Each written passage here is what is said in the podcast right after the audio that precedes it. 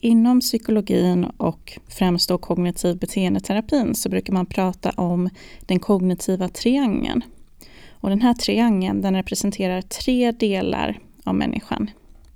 Nämligen dina tankar, dina känslor och dina beteenden.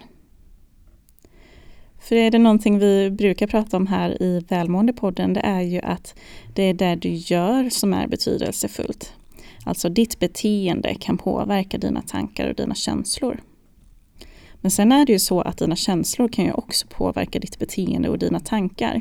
Precis som att dina tankar kan påverka beteende och känslor. Så allting kan ju påverka varandra. Så i dagens övning så ska vi fokusera på dina tankar. Och där det är möjligt så ska du försöka skapa nya tankemönster. Det här handlar inte om att tänka positivt.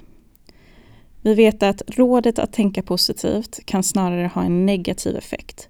För att tänka positivt när man sitter i ett djupt hål, allt känns mörkt, allt känns tufft. Det kan göra att man känner att man ljuger för sig själv.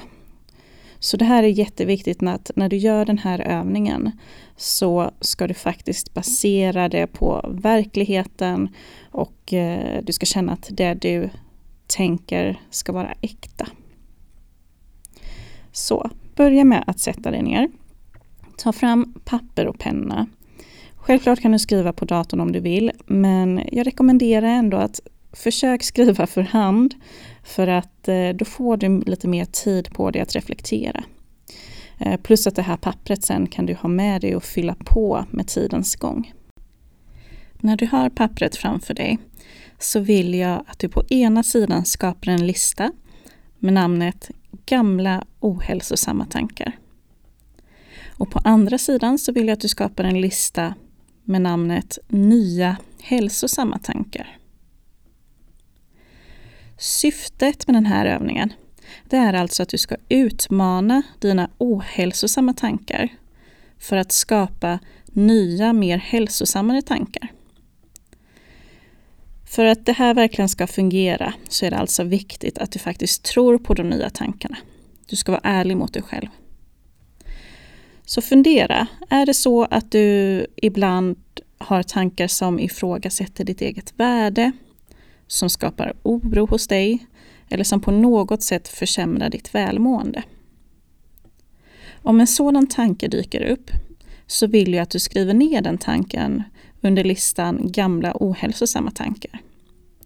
Och sen ska du fundera på om den här tanken faktiskt stämmer med verkligheten. Är det här verkligen sant? Kanske är det så att eh, du har en ohälsosam tanke om att du aldrig någonsin kommer klara av ett specifikt uppdrag på arbetet.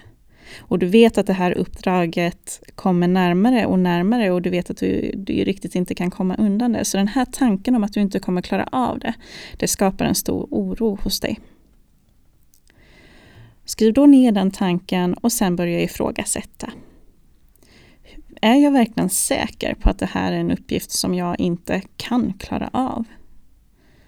Stämmer det verkligen? Eller kan det vara så att den här tanken har dykt upp just för att jag inte vet om jag kommer klara av den här uppgiften eller inte? Då skulle den nya hälsosamma tanken kunna vara att jag har en uppgift framför mig. Jag vet inte om den kommer vara möjlig att klara av eller inte.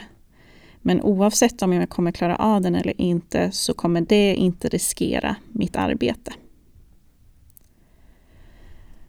Så en lista med gamla ohälsosamma tankar där du skriver ner en tanke när den dyker upp.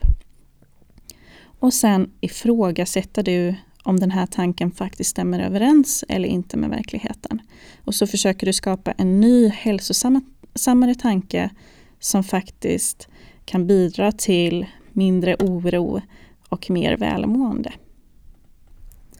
Ha den här listan lättillgänglig.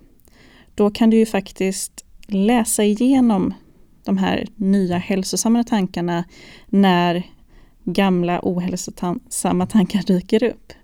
Du kan även fylla på listan eller faktiskt förändra den vid behov. Stort tack för att du lyssnar på Välmåendepodden.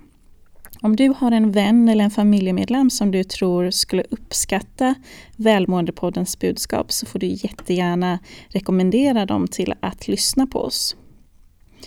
Och som vanligt så finns vi på Facebook och Instagram. Där heter vi Välmåendepodden. Tveka inte att höra av dig om du har frågor. Tack för att du har lyssnat.